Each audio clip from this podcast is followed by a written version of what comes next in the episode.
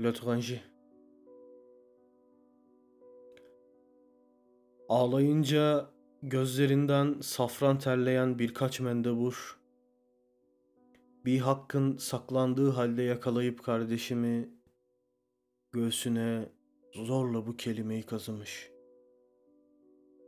Görseniz kazımak ne kelime. Aftlarım izin verse hani şöyle dolu dolu büyüyecek ağızla dağladılar diyeceğim. Ama görseniz ya bir su ve ardı sıra kan toplamış ve adını sanını bilmediği bir çiçek görmüş, toplamış. Kazınan bu kelimeyi sıkıca vurgulasın diye.'' Oldur ki o gün yunma günüme denk gelmiş olmalı. Çok eskilerden tabiatımdır. Anneler kanun celbiyle ve medeni hukukun boşluğuyla yunaklardan çekildi çekileli. Yedi günde bir, yedi ayrı ağızdan çıkan ruhobur tükürüklerle yunarım kendimi. Her seferinde postum biraz daha köselenir. Ancak beni başka türlüsünün arıtmayacağına bildiğim bütün dillerde ikna edildiğimden razı geldim. Asidik bir acının ekşimiş tadına.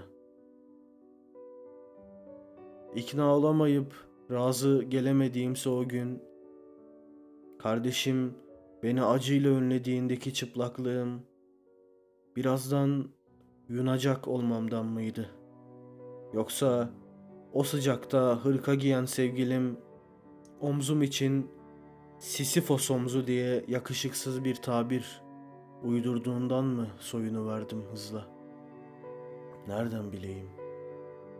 Hatırlıyorum ve kaniyim desem şimdi yalan olur. Öyle üpüryan inmedim desem sokağa Kardeşim beni acıyla ünlediğinde kaygıyla yalan olur. Olur olmasına. Ama bu ilk yalan olmaz söylediğim kendim hakkında. Kardeşimin kır düğününde elime tutuşturulan zili, cebime sokuşturulan fırfırlı mendili, yakama iliştirilen kurdelayla birbirine bağlayıp Hiçbir ölünün arkasından şimdiye dek yaşamak sevinci duymadım demiştim. Yalandı mesela. Kardeşim beni acıyla ünleyecek olursa bir gün hazırdı bütün acil eylem planlarım güya. Sokağa tekmil inecek olmanın türevini alıp merdivenlerden 90 derece tanjant dahi inmiştim. Aras doğduğunda hiç ağlamadım demiştim. Elim boş dönmedim hiç arastalardan. Taş çatlasa beş dakikaya geçerdi çarpıntım. Bir bildiği muhakkak vardı bana gözlerinde olanca pırıltıyla ılıman bir ölümden söz açanların. Bütün bunlar ciddi kürsülerde muzip alimler tarafından kuyruklu mu kuyruklu yalanlar olarak tasnif edilecek. Benimse buna hiçbir diş eden itirazım yok ve olmayacak.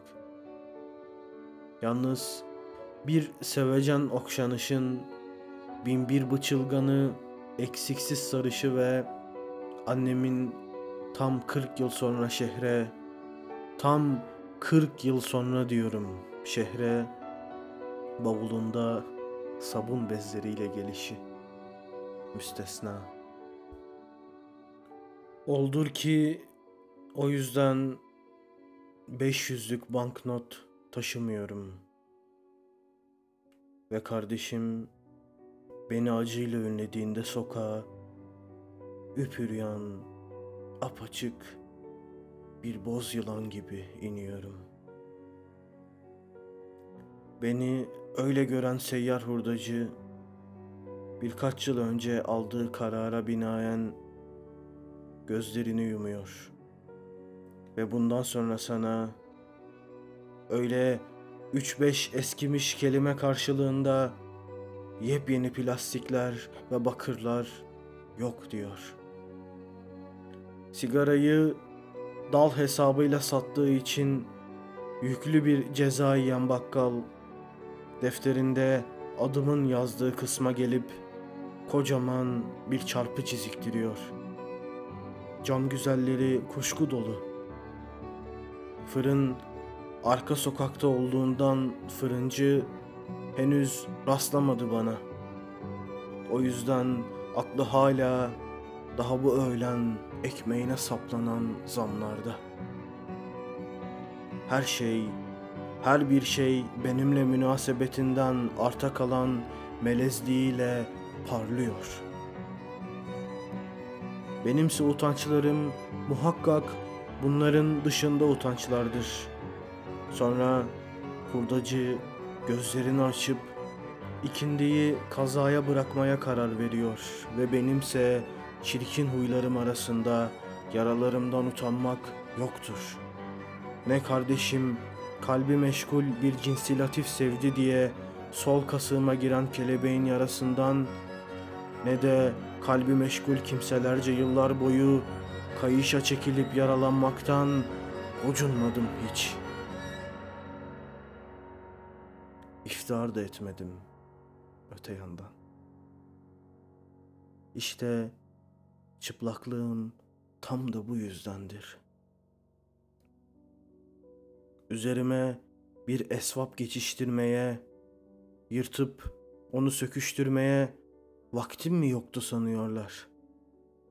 Vaktim vardı. Bana bir esvap dikmek için gelecek terziler mi gelmedi sanıyorlar.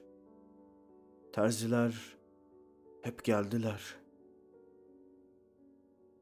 Ceplerimde beş yüzlük yok diye üç dirhem kuruşta mı yoktu? Hayır, oldum olası gönç idim.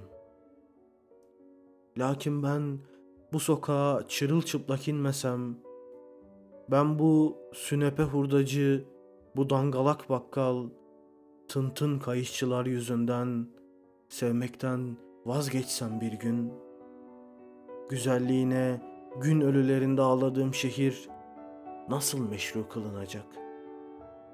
Cehennemde tüylerini yolup bana insanlarla postalayan şeytan hangi birimizi ayartmak için zahmet buyuracak o saatten sonra? Her kıl canım mütereddit yüzünüzden, geçiniz yüzünüzden, geçeyim yüzünüzden hışımla, geçilsin karnım çoktandır tok bunlara.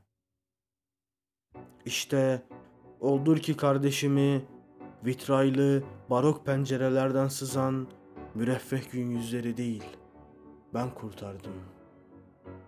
Buna ne kadar kurtarmak denirse artık.